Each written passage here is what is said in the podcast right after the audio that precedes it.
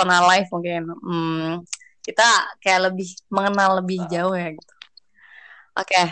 uh, pengalaman pribadi nih. Uh, mau tanya dulu dari itu deh, Kang Luki dulu. Eh tapi sebelum ini, sebelum pengalaman pribadi, pengen tahu dulu nih asal usul adanya podcast Guys. ini. Kenapa namanya Oga Lama gitu? Jadi, sorry, sorry. Hubung, hubung kok.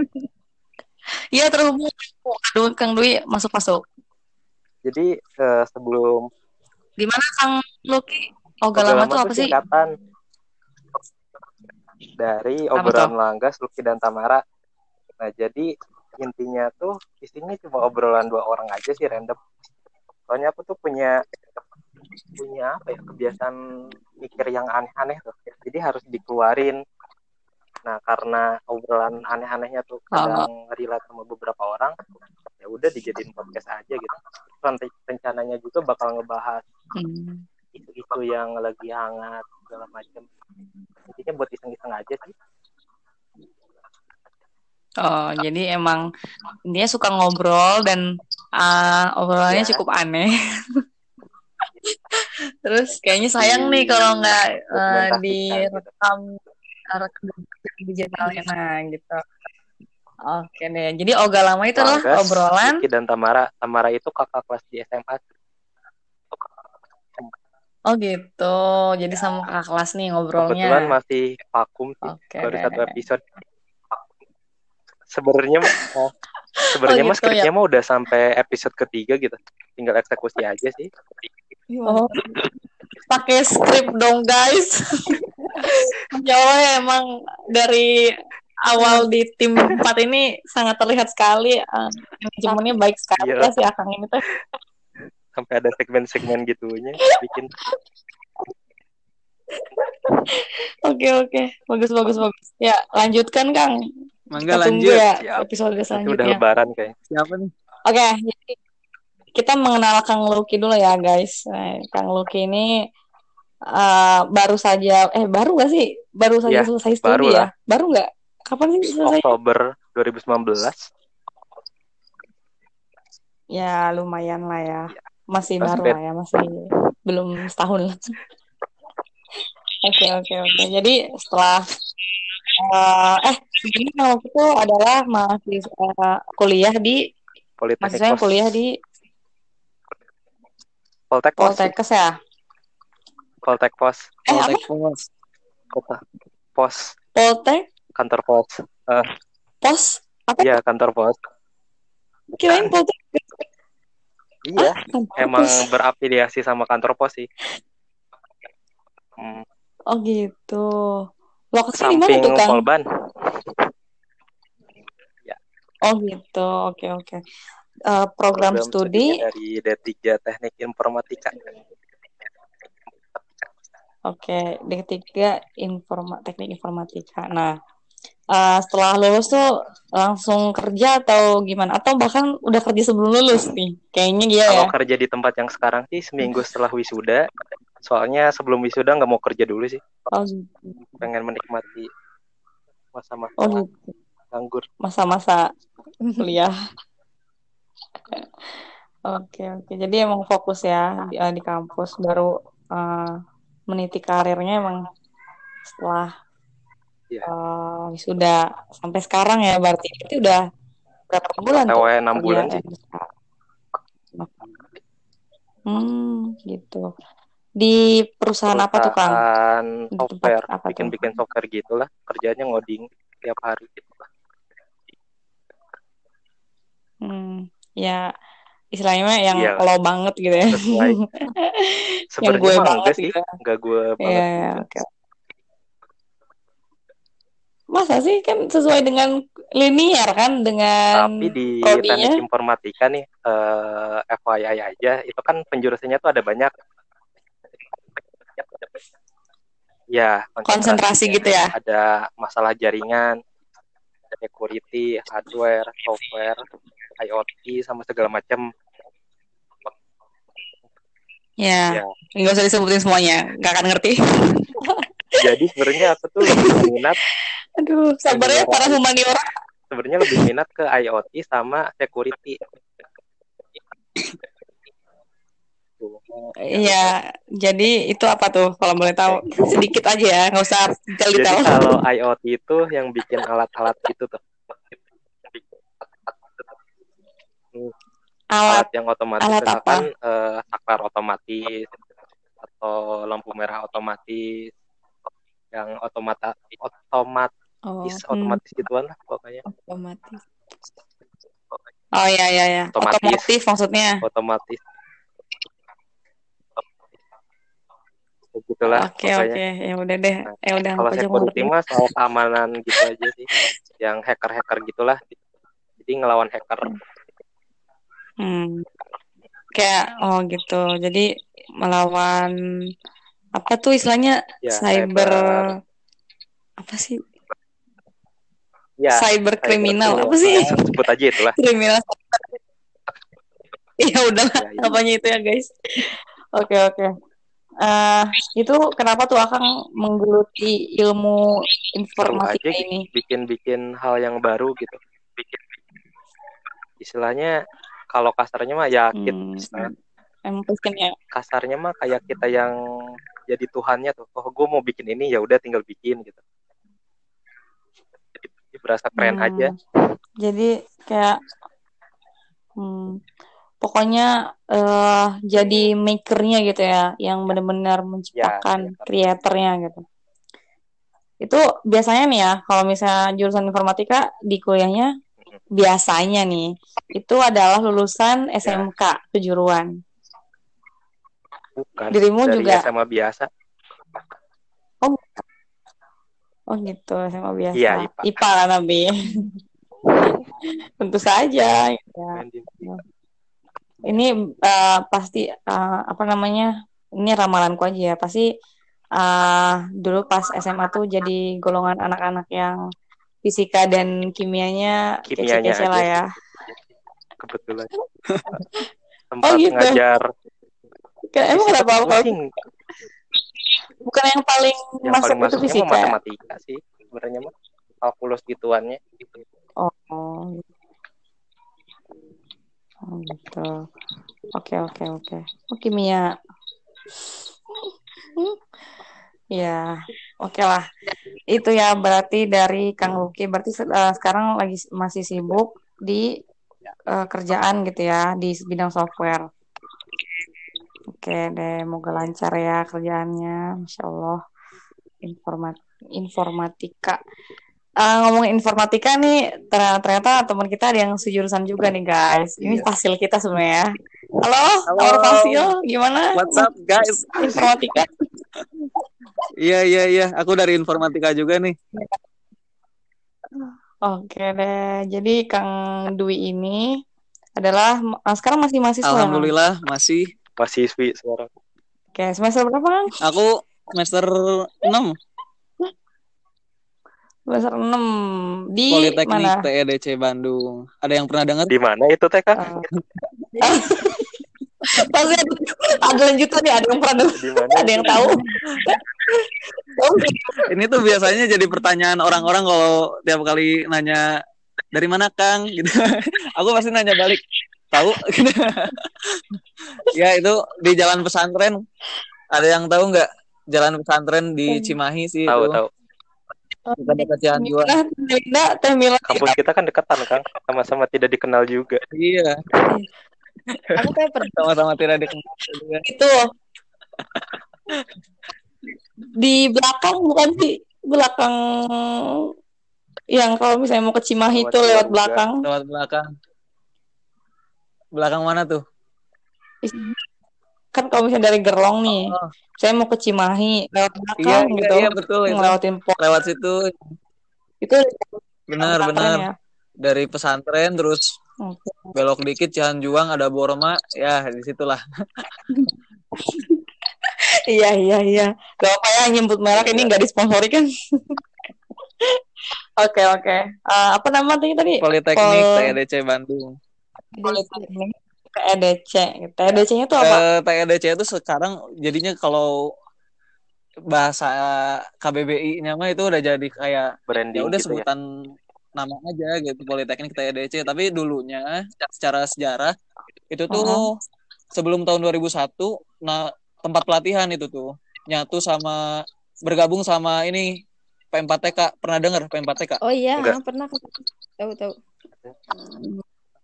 ya Apa itu balai pelatihan gitu di ada di Cimahi jadi emang Oh. aw- deketan itu lokasinya tapi akhirnya tahun 2001 berubah gitu dulu tuh awalnya namanya Technical Education Development Center jadi tempat pelatihan gitu Wadaw. gitu tapi sekarang udah jadi kampus Hmm.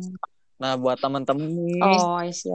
yang mau Promo kampus. cari tempat kuliah yang sedang coba dan harus terpaksa Jadi nikmati masa-masa kuliah di swasta oke masuk aja di sini gitu DM DM aku.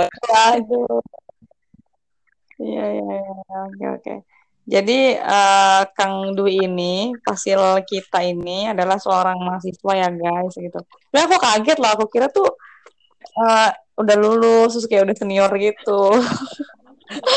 Sebel banget, taunya seangkatan. awalnya mikirnya Iya, kan waktu ditunjukin kan eh, siapa aja nih fasil-fasilnya kan di grup tuh. Lihat tuh kan, ini orang-orang tuh eh, aku tahu semua. eh, terus pokoknya rata-rata tuh emang semuanya aktivis sih. Ada yang presiden mahasiswa, ada yang wapres, terus itu presiden pres wapresnya UPI lah pada masanya. Terus ada juga yang aktivis. eh, pokoknya tau lah gitu, teh ini, kang itu gitu. Terus aku dapet ini pasilnya Kang Dwi, "Ih, siapa sih ini? Gitu. Pokoknya gak kenal kan gitu. Ya sama yang gak dikenal lagi gitu kan gitu. Ya udahlah gitu. Terus aku tuh ekspektasinya eh ya udah kalau misalnya jadi pasil pasti apa namanya dia udah senior gitu kan. Intinya se seangkatan sama yang lain-lain itu gitu. Eh nggak taunya pas ini kan eh, sempat ngobrol ya aku 2017 juga loh gitu. Oh gitu. Awal, awal jangkanya tuh gitu gitu. Udah senior gitu. Tua banget ya gua. Iya, pokoknya eh, iya ternyata masih kuliah ya di T- Politeknik TEDC TEDC. Informatika Di TEDC. juga. Nah, tadi kan Kang Luki konsentrasinya tuh di IOT ya. Apa namanya? IOT, apa IoT. IOT? Apa bacanya? IoT. Tapi kerjanya di software sih sekarang. Hmm, saya, saya dulu pas kuliah konsentrasinya di sana kan. Ya. Nah, kalau Kang Aku- Dwi apa nih kalau di konsentrasinya? kampusku tuh sebenarnya eh, aku kan D4 kalau IoT itu ada di D3-nya gitu. Di D3 D4. kalau yang tadi Kang Luki disebutin tuh itu ada di D3-nya teknik komputer. Cuma kalau aku kan D4 D4 tuh kebagi dua eh tiga. Ada software ada jaringan. Jaringan tuh yang tadi yang disebutin Kang Luki tentang cyber cyber apa tuh namanya? Cyber bullying eh bukan bullying. Ya, cyber kriminal gitu. Terus yang terakhir multimedia. Kalau di aku kayak gitu. Jadi kalau aku milihnya multimedia gitu. Oh, gitu. Eh, Kenapa tuh milih multimedia? Awalnya sih mikirnya ya, eh, aku pikir tuh masuk informatika ya aku udah udah kebayang sih informatika tuh bakal kayak gimana gitu, bakal ngoding atau sebagainya gitu. Aku awalnya mikir, oh ya udahlah ke multimedia aja karena aku kan gak suka jujur gak suka ngoding loh. Tapi ternyata ya jadi masuk multimedia tuh aku Oke. aku pikirnya tuh hampir sama kayak Sama DKV desain komunikasi visual gitu awalnya tuh mikirnya kayak gitu gitu oh ya udah ngedesain Oh. atau bikin video atau apa gitu tapi ternyata oh sama-sama aja ternyata gitu ngoding-ngoding lagi bikin game gitu tapi asik sih sebenarnya gitu Hmm. Seru lah. Iya, iya, iya. Jadi eh, ini ya belajar betul. bikin kode. memahami gitu. kode-kode wanita gitu Aduh, berat. Berat, berat. Oke, oke.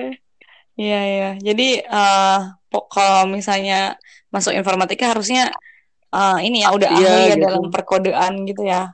Jadi nggak perlu belakin harus iya eh, peka lah gitu dengan ya kode. ampun gitu Ya. makanya nggak jarang tuh gitu eh, yang apa tuh yang punya suami programmer tuh biasanya langgeng gitu promosi, promosi. promosiin diri ya. Kang Luki, ayo Kang gitu. Semangat, semangat. Aduh,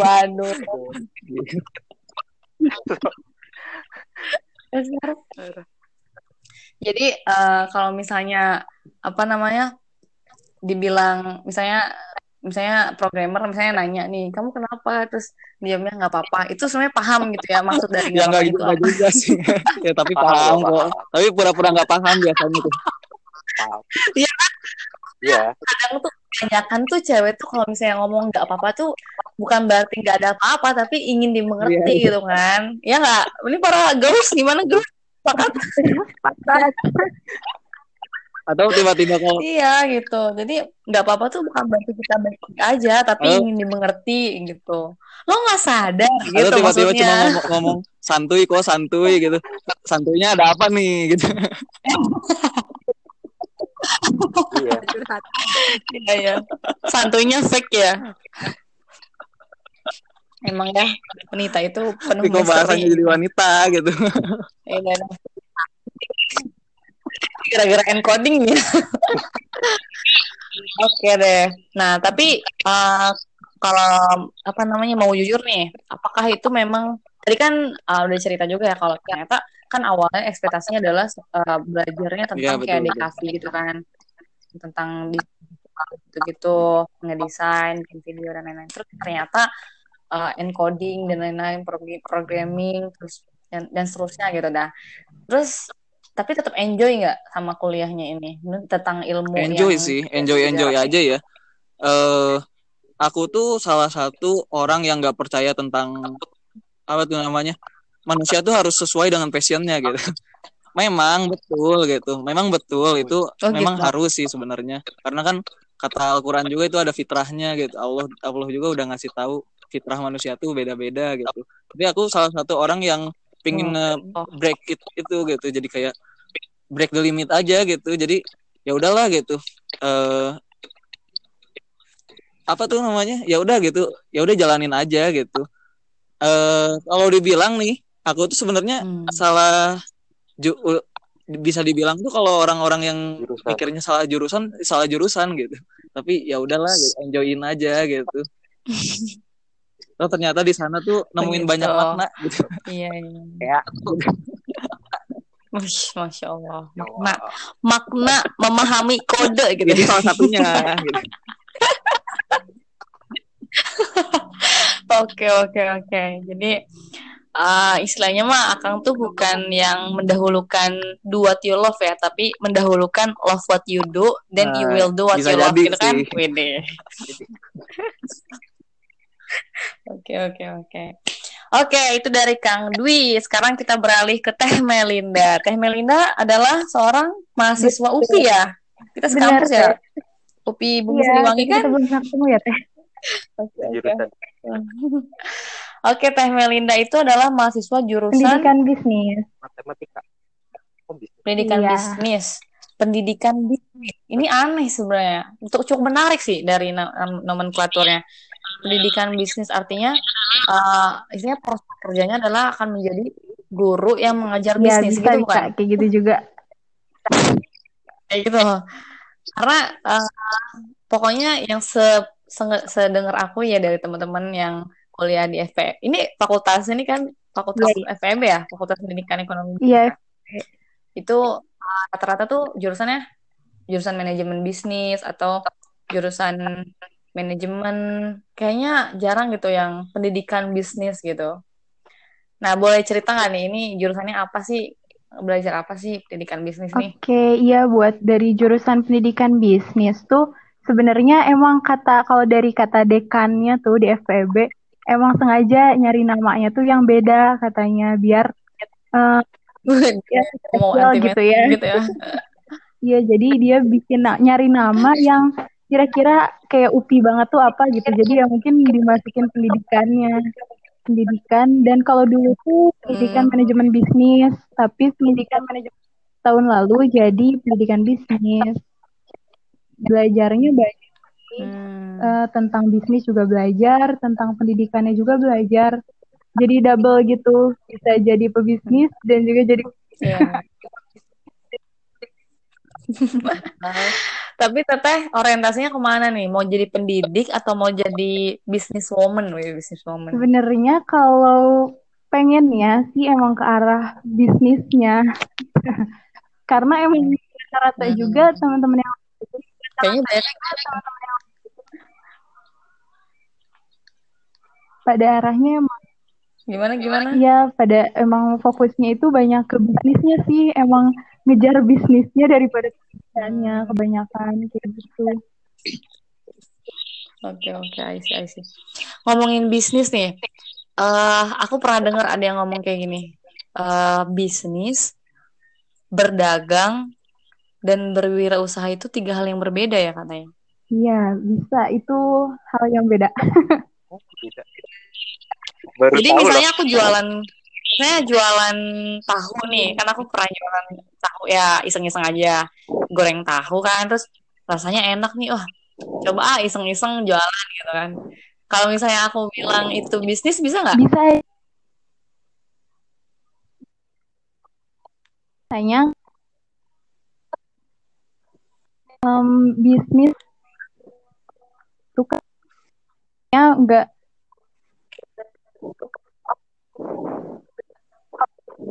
enggak keuntungan. Tapi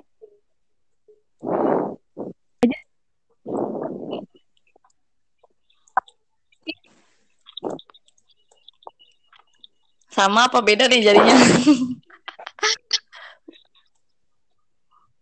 Karena katanya sih ya kalau bisnis itu ada manajemennya ya kalau misalnya berdagang itu ya dagang aja kayak aku asal-asalan jualan ini kayak gitu. Bukannya dagang juga Halo? ada manajemen gitunya ya? Ya. Ya. Yang aduh tidak tersambung masalah sinyal kayak ini menarik. Ya aku tuh pernah ikutan kayak uh, ada uh, jadi ada satu suatu startup. Mungkin teman-teman pernah dengar nggak startup gerlong? Pernah pernah pernah. Iya tahu. Pernah belum kayaknya aku ini uh, punya bisnisnya soal salah satu juga loh Kang Fauzi Ridwan. Kurang tahu sih kalau itu. Oke oke lanjut. Ya udahlah ya udah nggak apa-apa. Nah itu jadi beliau punya startup. Gimana sih ini sesama pasti lo masa nggak oh, tahu belum kenal serius. Kang Asep Ahid. Ya udahlah nanti kenalan ya. Jadi gue punya startup uh, namanya startup gerlong. Terus di situ tuh ada kayak uh, apa namanya kelas uh, ya mungkin kajian-kajian kecil gitu. Ayo bicara namanya. Itu topiknya tentang memulai bisnis uh, eh memulai usaha. food apa sih usaha makanan gitu. Terus si pematerinya tuh bilang us uh, berdagang berbisnis dan berusaha tuh beda gitu Nah, uh, aku lupa ya detailnya. Tapi uh, katanya sih. Halo? Nah, ini dia teh lagi. Udah nyambung lagi teh. ya, ya, ini menarik loh soalnya itu aku pernah dapat pematerian kalau bisnis dan berdagang itu beda, cina. Iya,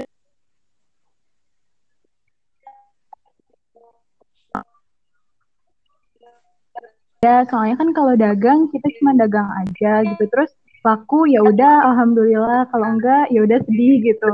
Kalau atau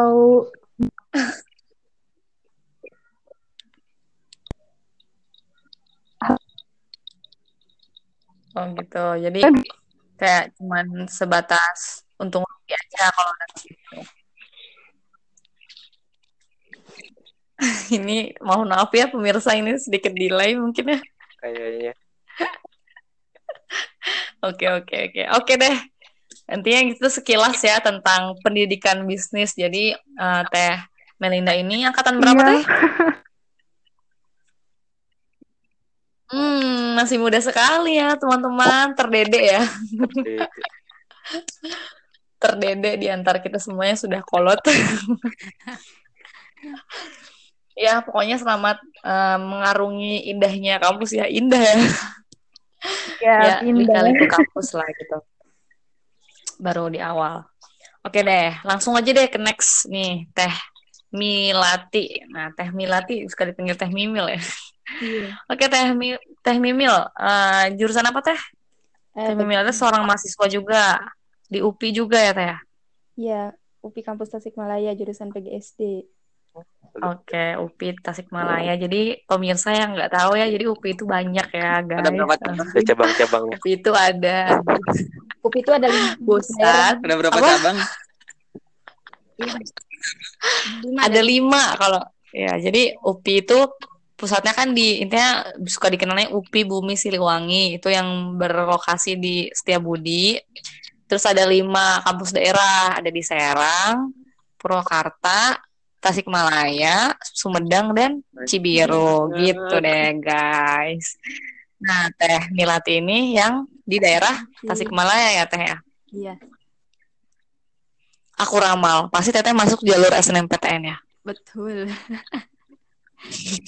Bisa ngeramal gitu. Kebanyakan gitu. Jadi yang kampus daerah tuh kebanyakan yang SNMPTN kan yang regional kan. Jadi auto iya. terima lah TGSD wah uh, ini aku seneng ya akhirnya ada yang selinier eh, sama aku sesatu warna gitu ya oh. jurusannya humaniora hmm. dunia pendidikan gitu ya. Nah, uh, pasti ini bisa dipastikan nggak kalau teteh itu emang suka anak-anak? Hmm, sebelum masuk kuliah mah nggak terlalu sih, tapi pas kalau udah masuk kuliah tuh pas uh, sering-sering keluar lagi sering, cuman uh, mempelajari tentang anak terus kayak uh, ke SD juga kan ketemu anak-anak gitu seru juga sih Hmm. Sebelumnya. Jadi sebelum kuliah tuh yang kayak yang nggak terlalu suka hmm. sama anak-anak. Iya nggak terlalu gitu. Hmm. Terus uh, waktu first experience menghadapi anak tuh kapan tuh? Semester berapa tuh? Yang benar-benar ngadepin anak? Uh, waktu itu pas observasi matkul bimbingan konseling kalau nggak salah di SD. Oh gitu. Uh, ada matkul aku. Iya matkul kita semester 2 pertama ke SD. Oh itu matkul wajib ya? Lupa lupa. Ya, bimbingan kosong itu matkul wajib guys nah, di kampus pendidikan. Uh, bahas eh apa ya? Materinya tuh yang tentang ke SD tuh aku observasi yang disleksia gitu. Jadi ngamatin anak yang disleksia yang lambat nulis sama baca gitu. Keterlambatan nulis baca. Hmm. Nah, I see, I see. Mm. Terus jadi uh, langsung ngadepin anak yang justru ABK ya, anak berkebutuhan khusus. Ya, tapi waktu itu aku cuma itu doang sih, cuma ngamatin doang uh, perbedaan sama anak normal gimana kayak gitu lah. Apa anak normal, maksudnya ya anak perkembangannya baik dengan Iya ya. Yang, yang tidak berkebutuhan khusus gitu maksudnya. Nah, kemarin juga ada sih yang matkul pendidikan inklusif itu kita ke S eh, ke SLB berapa kali observasi agak takut yes, yes, yes. gitu tapi uh, seru sih I see, I see. Iya, iya, benar-benar. Kayak challenging banget gak sih, Teh? Soalnya nggak kebayang sih bakal ngerasain masuk ke SLB. Awalnya kan kalau sebelum ada uh, kewajiban observasi gitu, agak takut ya kalau berhadapan sama ABK gitu. Iya, benar. Tapi pas di sana tuh diwaj apa ya, berusaha buat berani gitu, interaksi sama mereka. Oke, oke, I see, I see. Jadi uh, apa namanya? Tapi kalau di, di teman-teman teteh nih di circle-nya jurusan teteh tuh ada nggak yang emang dia tuh nggak suka sama anak kecil tapi dia justru kuliah yang menghadapi anak kecil gitu? Banyak sih kayak gitu. Oh banyak. Hmm. Terus ngapain gitu daftar? Gitu, kayak... hmm.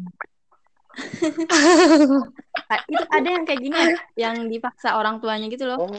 Eh, orang tuanya eh, guru SD gitu atau kepala sekolah di SD terus akhirnya dia juga disuruh masuk ke PGSD kayak gitu. Banyak yang kayak gitu juga. Hmm, jadi disuruh orang tua ya, ya. padahal yang ngejalanin dia ya. ya jangan jadi orang tua yang kayak gitu ya. Oke. Okay, siap siap. Malah jadi ngejulitin orang tua nih ya. Harus jadi pelajaran. Aduh gimana sih Teh Memil jadi pelajaran kan kalau anak digituin kan gak enak tuh maksudnya kita jadi orang tua jangan oke okay. ya ini menjadi pelajaran kan ini bukan Juli tenang aja ini bukan Juli kan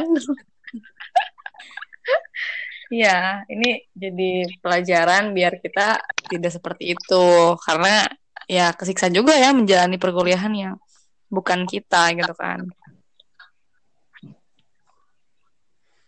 Oke deh, itu seputar kuliah ya iya, guys. Kalau dari Teh Rahma sendiri gimana Teh? Jurusan apa gitu? kenapa masuk jurusan itu? ya. Aduh, sebentar-sebentar ada tamu. Pengen kenal kan gitu. Ini bukan soal guys. ya, waalaikumsalam. Maaf ada iklan dulu. Ya.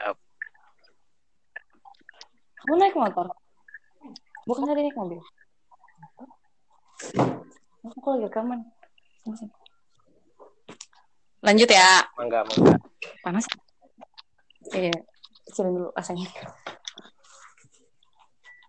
Jadi Ramsay adalah mahasiswa juga ya guys, mahasiswa uh, tingkat tiga sama kayak Teh Milati dan Kang Dwi masih semester 6 sekarang. Itu belum guys, kan belum pindah semester. Iya. uh, aku kuliahnya jurusan bimbingan dan konseling. Jadi teman-teman nih yang mau konseling boleh ya kontak-kontak aku. Gitu. Udah sih gitu aja kan? Kalau bimbingan konseling itu nantinya ngapain aja gitu? Mirip kayak psikologi atau gimana sih? Beda. Nah ini nih sih yang uh, jadi bahasan yang sering jadi salah persepsi ya. Jadi sebenarnya dulu juga aku tertarik banget sama dunia psikologi ya. Dan dulu tuh pernah bermimpi gila ya bermimpi gila. Pengen banget jadi uh, si, si, si psikiater ya psikolog. Dan dulu tuh udah kayak udah nge-planning pokoknya ntar aku mau kuliah psikologi UGM gitu. Ah pokoknya udah gitulah idealis banget. Terus uh, jadi sebenarnya aku tuh angkatan 2016 guys. Angkatan kita. Eh ini ketahuan ya tuanya sama dong gue juga. Ya jadi aku tuh aku tuh adalah mahasiswa dulu pas uh, lulus SMA aku tuh nggak langsung kuliah. Aku tuh uh, ngajar. Sok sok ngajar dulu setahun terus uh, apa namanya? Waktu itu ketika mengajar uh, itu kan jadi ngajar adik-adik kelas aku ya yang SMP SMA gitu kan nah uh, ketika mengajar tuh aku kayak berasa bahagia aja gitu dan aku kayak menemukan diriku ketika mengajar tuh terus wah kayaknya aku uh, harus menggeluti bidang pendidikan nih gitu kan. Nah terus kenapa akhirnya BK gitu? Karena aku tuh melihat kehidupan seorang guru BK semur uh, apa selama 24 jam berhari-hari ya. Jadi ibuku seorang guru oh. BK guys. Iya, terus ibu tuh suka cerita kan. Kalau di sekolahnya itu masih banyak banget yang uh, salah persepsi tentang peran BK. Jadi uh, banyak banget paradigma yang bilang kalau BK, uh, guru BK itu adalah polisi sekolah. Apakah kalian semua berpikir hal yang sama? Orang-orang bermasalah gitu. gitu kan. Udah dua kali masuk BK. Kalau misalnya masuk ruang BK tuh pasti horor iya, gitu. Iya, iya. Iya Bener banget. Bener. BK seru dia. Oh gitu seru ya, alhamdulillah ya. Berarti Teh Mila menemukan BK Tapi yang kalau guru sejati. BK-nya Teh Ramsa ya, aku mah kayaknya bakal bandel-bandel aja sih gitu. Suwe, suwe Anda. Ngeselin. Ya pokoknya gitu. Jadi uh, dan aku, ibu aku cerita sebenarnya tuh BK itu bukan polisi sekolah, tapi teman sekolah. Jadi uh, BK itu bertanggung jawab atas ke uh, bukan bertanggung jawab sih ya misalnya yang ngedampingin apa sih kepo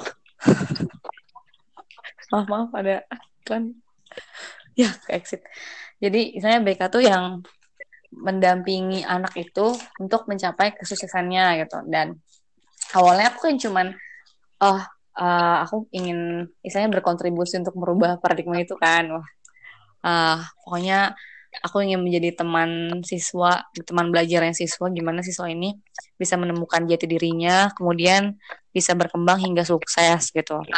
Nah, pas pas pas belajar ini, belajar mata mata kuliah matanya pas semester satu aku tuh kayak langsung uh, apa ya misalnya uh, semakin menikmati gitu semakin enjoy tentang jurusanku ini karena uh, dari matkul yang aku kontrak itu yang aku pelajari itu emang bener-bener apa ya misalnya mungkin mungkin sebelumnya aku yang tadi mau si kenapa aku mau psikologi karena aku senang banget belajar tentang kemanusiaan Manusia. kemanusiaan iya pokoknya aku.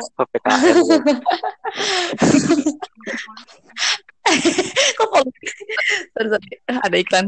Ya, jadi ingin aku tuh senang berhadapan dengan manusia gitu kan. Kan kalau misalnya mungkin uh, kayak Kang Luki atau Kang Dwi kan berhadapan dengan programming terus encoding gitu-gitu nah intinya itu barang kan gitu mesin lah gitu. Kan beda kalau sama uh, teh Milati atau teh Melinda itu berhadapan dengan dia itu jadi uh, senang banget kan. Itu kenapa psikologi karena ya itu tadi ingin mempelajari dinamika kepribadian individu. Nah tapi karena aku bidangnya pendidikan dan ternyata psikologi itu beda sama bimbingan konseling kan. Psikologi itu uh, bidangnya bukan fokus di pendidikan dia di kejiwaan. Kejiwaan. kayak misalnya nih uh, misalnya Kang Dwi nih uh, misalnya lagi galau kan misalnya lagi Iya. putus dari pa- sama pacarnya misalnya. Nah, Kok gua sih?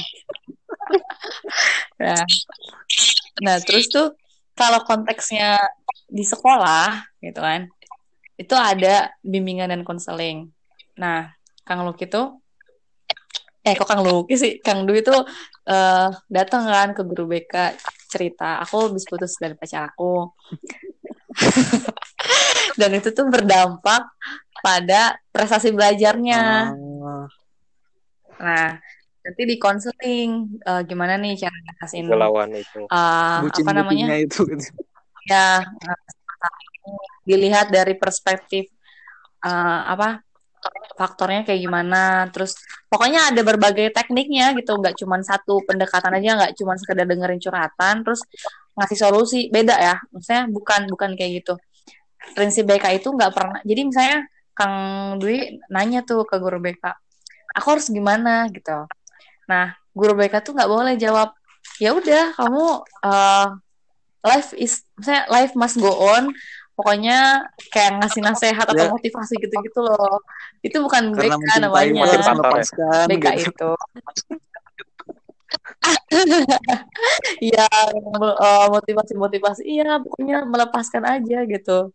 Kalau dia cinta sejati itu juga datang gitu kan misalnya. Nah, terus eh, BK itu tugasnya adalah menyadarkan eh, konseli, konseli itu klien ya, eh, bahwa ya dia itu yang berkeputusan, yang mem- yang membuat keputusan, yang membuat pilihan dan bertanggung jawab atas keputusan dan pilihannya sendiri gitu.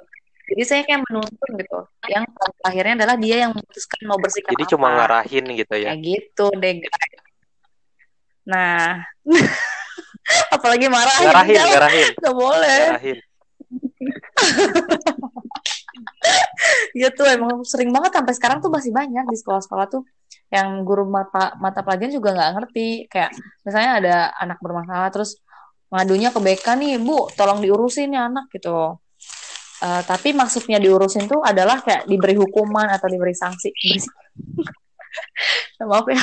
Galak. terus eh ya udah psikologi tadi belum selesai ya. Psikologi itu misalnya Kang Du ini eh ketika datang ke BK terus Kang Du ini sudah kayak di tahap depresi yang bener-bener mungkin sampai nggak mau makan sampai nggak mau banget ya diputusin pacar. Kayak sampai diri bahkan mungkin. Nah itu udah masuk ke ranah kejiwaan gitu. Dan itu harus di referral ke psikolog atau psikiater. Berisik banget sih Maaf ya guys berisik ada yang buka es krim ya kayak gitu jadi itu bedanya psikologi dan BK kalau BK tuh lebih ke konteks pendidikan Hmm. kan gitu makanya bahasa lain juga psikologi pendidikan dan bimbingan gitu Oh, bimbingan konseling itu nama lainnya adalah psikologi pendidikan dan bimbingan jadi belajar psikologi tapi dalam konteks pendidikan. Kayak gitu baru deh. Tahu, baru tahu, baru tahu. Iya. Ilmu baru. Soalnya keren.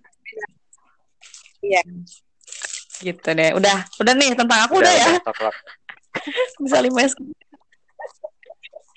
Iya. Kan saya mah jangan ditanya, ditanya lah. harus wajib. Bahaya. Biar nambah durasi. Iya, soalnya tuh Panjang, jawabannya gitu. berkilometer.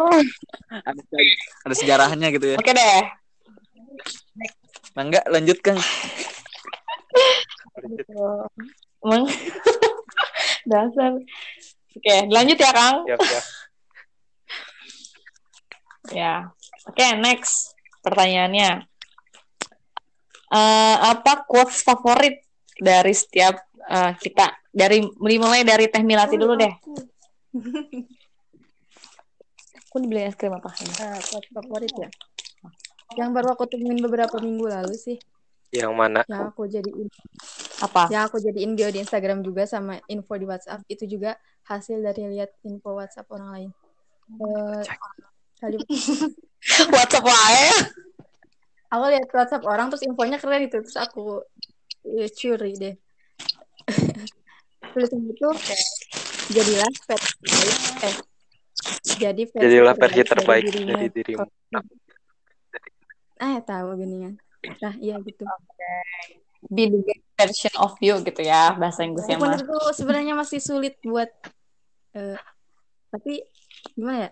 Jadi motivasi juga sih biar biar nggak usah jadi orang lain kamu bisa keren dengan caramu sendiri gitu. Hmm. Hmm. Karena menjadi orang lain itu capek ya, guys. Yeah.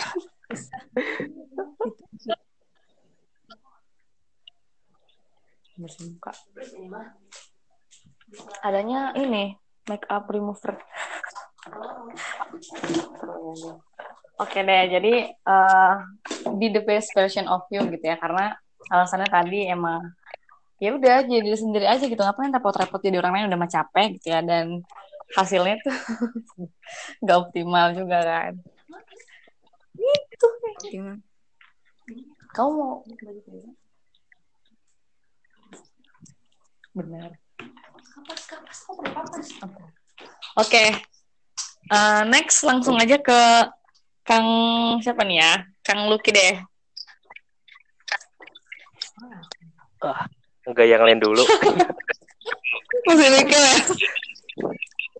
Enggak udah ada sih. Sok aja.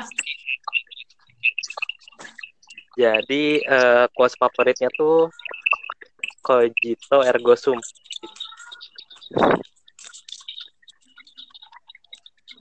ada kedengeran gak sih? Ada. Kedengeran, Kang. Rahmanya lagi pergi. Oh. Iya. Jadi quotes favoritnya tuh cogito ergo sum, artinya aku berpikir maka aku ada.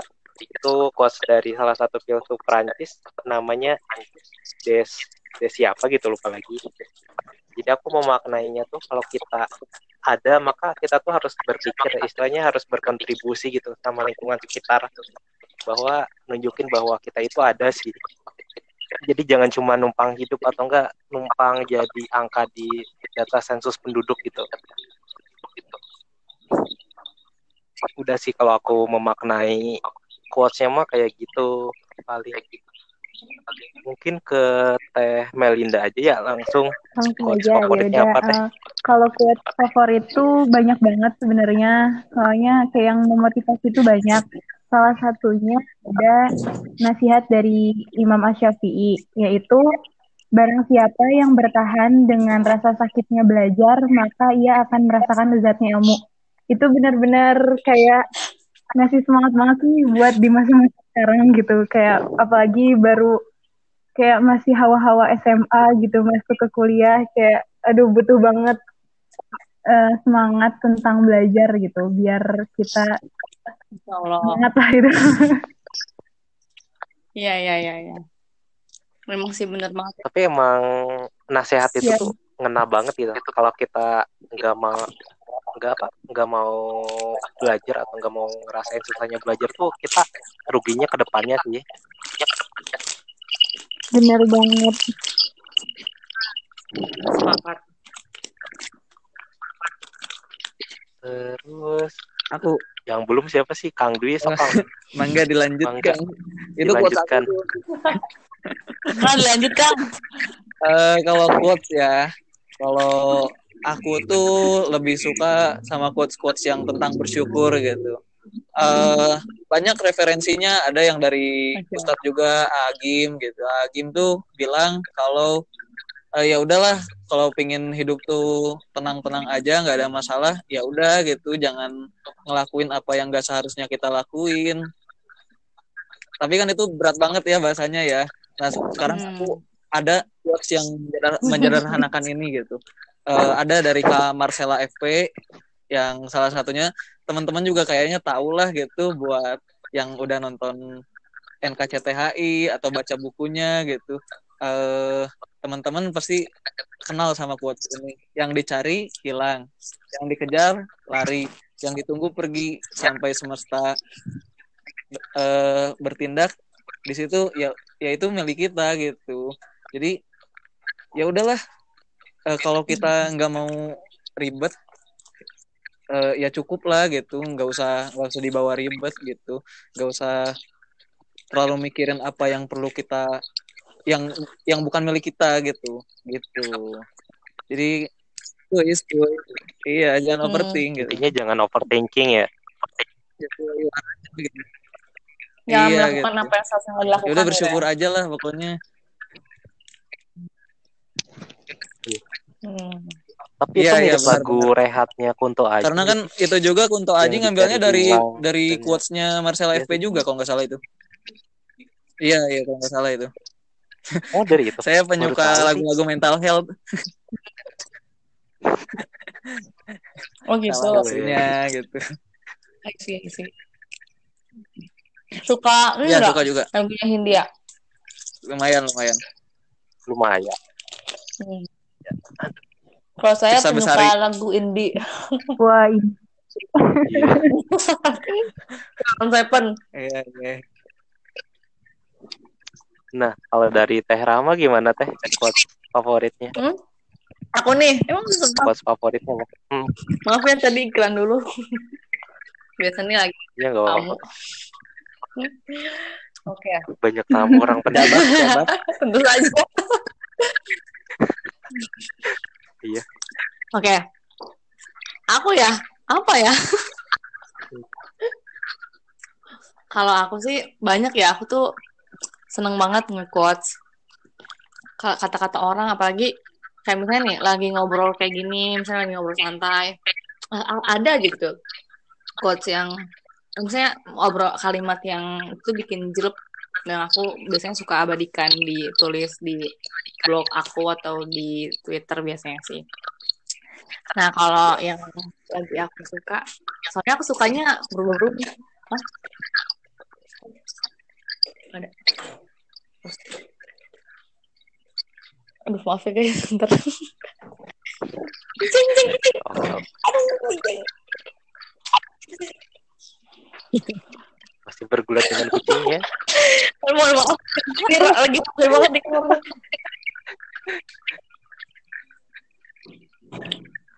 Kalau aku ya, iya halo halo, masih nyambung? halo nyambung ya bu. Aduh, riweh.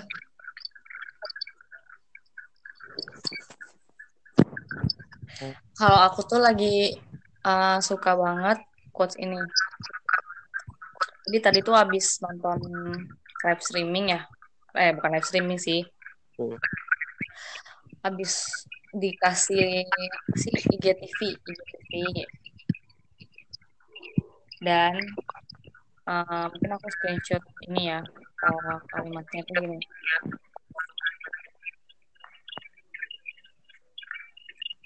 People can steal your theory, but people cannot steal your execution.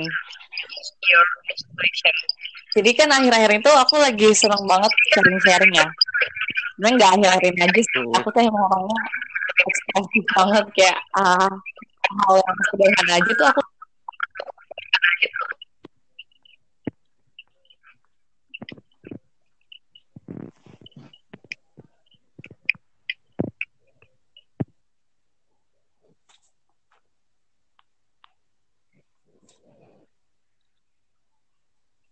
Masih. Halo. Masih nyambung? Masih. Ini siapa yang keluar tadi? temilati Heeh, Teh Milati. Ini ganggu sinyalnya sangat itu ya. Tinggal di kota. Iya, iya. Kenapa Tapi gimana? aku nggak putus-putus kan ya? Enggak. A- Enggak. Aku nggak putus-putus kan? Ya, jadi Enggak. hmm, aku tuh lagi kayak apa ya istilahnya merasa kayaknya aku berhenti aja gitu. Maksudnya berhenti untuk sharing, untuk eh apa ya express expressing gitu. Karena eh, Boleh, boleh. ini boleh curhat gak sih? Boleh, boleh. Mungkin teman-teman punya eh, Sekarang kita yang jadi BK-nya. ya ya tapi habis diputusin pacar ya aduh jadi eh, ini ini jadi meng, apa ya saya meyakinkanku sih bahwa BK itu bukan berarti nggak bisa nyelesain eh bukan berarti selalu bisa nyelesain masalah sendiri ya. Jadi tetap Iya. punya hak yang sama lah untuk sharing-sharing juga untuk eh, cerita-cerita masalah pribadi juga. Jadi aku tuh eh, baru-baru ini sering banget disebut sama teman-teman aku atau sama senior atau siapa pun gitu. Itu sebagai konten kreator. Dan sedangkan aku tuh nggak pernah kepikiran ke sana dan nggak mau disebut kayak gitu. Sebenarnya tuh nggak terlalu hate speech ya tapi itu mau ngebuat aku ngedown nggak tahu kenapa. Karena aku tuh jadi berpikir bahwa apakah orang-orang yang melihat atau apa ya, biasanya